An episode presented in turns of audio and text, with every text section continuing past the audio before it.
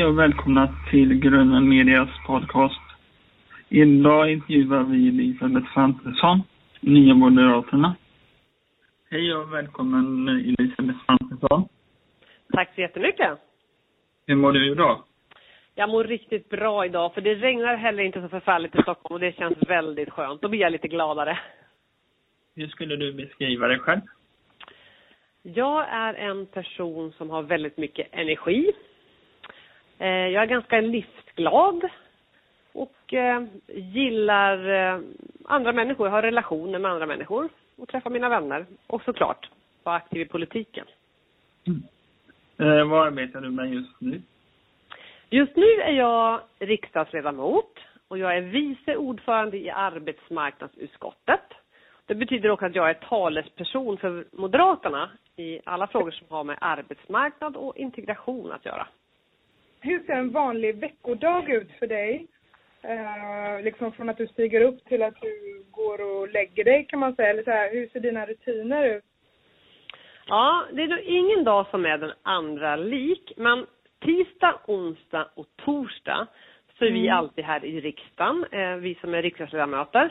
Och då, de dagarna är det väldigt många möten. Vi har utskottsmöten och partimöten och man träffar människor utifrån som vill samtala om olika politiska frågor. Och då är det mycket möten egentligen från tidig morgon, ofta till ganska sen kväll. Mm. Sen måndagarna och fredagarna försöker vi vara ute i, man representerar ju ett län. Jag är ju från Örebro län. Jag är ute i länet och träffar folk där. Mm. Eller reser i landet. Vad är höjdpunkten på din dag om man säger en vanlig veckodag?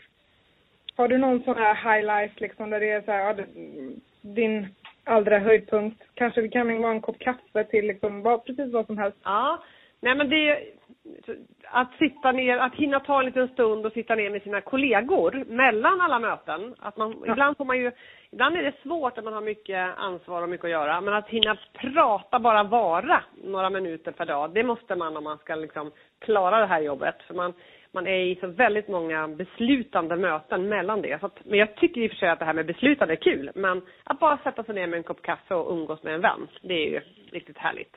Vad var ditt första arbete inom politiken? Jag bodde i Uppsala eh, och jag, då hade jag ett vanligt jobb och då satt jag i en socialnämnd. Man brukar kalla att man är fritidspolitiker. De flesta som är politiker, de gör ju det. De har kanske ett jobb eller man pluggar eller man är arbetslös och sen har man ett uppdrag på sidan om. Om man säger. Det var mitt första uppdrag i en socialnämnd i Uppsala. Okej. Mm. Hur kommer det sig att du började arbeta med politik? Jag var en sån där person som, och är väl fortfarande, men som sitter hemma och gillar att se på nyheter och tycker väldigt mycket om hur saker borde vara. Och då tänkte jag att det är inte bara alla andra som kan engagera sig politiskt. Det borde jag ju göra själv under en period. Sen har det blivit nästan 20 år nu eh, och det var väl kanske mycket längre än vad jag trodde när jag började. Vad tycker du om skattefinansierade med- medborgarlön som skulle kunna ersätta socialbidrag och studielån och a-kassa och lönebidrag och förtidspension och sjukbidrag och i princip alla bidrag? Ja, jag, jag tycker nog i grunden att vi ska... Alltså, så här, jag tror att det är viktigt att vi har grundförutsättningar att alla människor som har någonting att, att vara med och bidra på olika sätt, på arbetsmarknaden eller annat, ska ha ersättning och göra det och komma, kunna också komma i arbete, att vi underlättar det. Men en medborgarlön är ju tanken att alla har ungefär samma och man gör, och även om man inte jobbar. Eh, och jag tror att det är viktigt att vi bygger ändå eh, det gemensamma med våra ansträngningar och att vi möjliggör för så många som möjligt att arbeta och att de andra systemen är kopplade till eh, arbetsmarknaden. Så jag är inte så förtjust i medborgarlön. Nej, men jag måste bara fråga, för du sa där alla människor som har någonting att komma med. Har inte alla Mm. människor någonting att komma med då?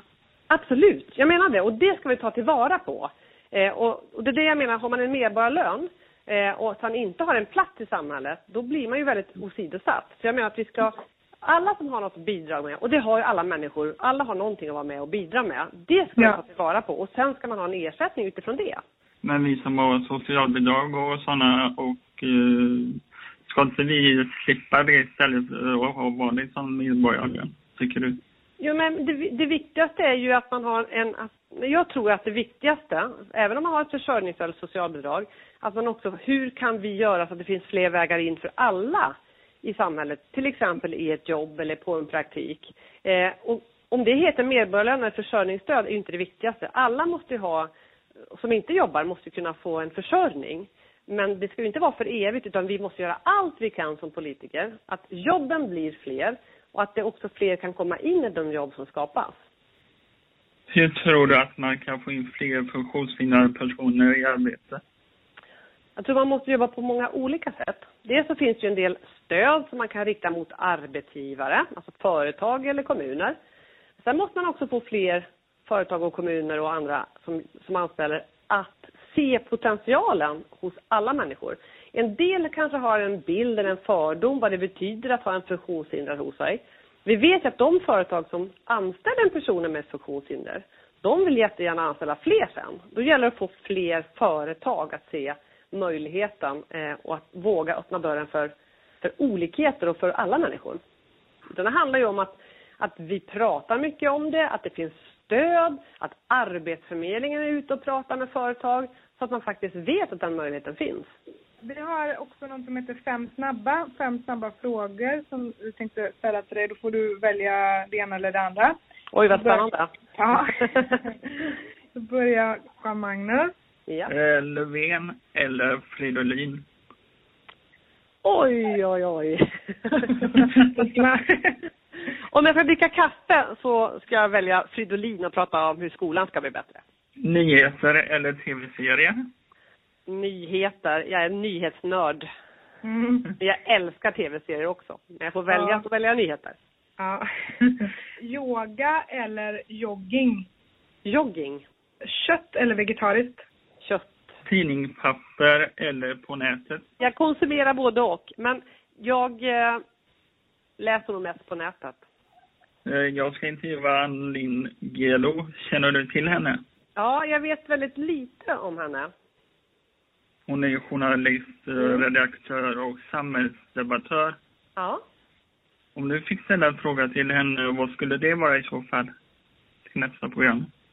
Eh, Då skulle jag fråga henne vad hon ser är utifrån sitt journalistiska perspektiv och intresse för samhällsdebatt, vad hon ser är de största framtidsutmaningarna på arbetsmarknaden.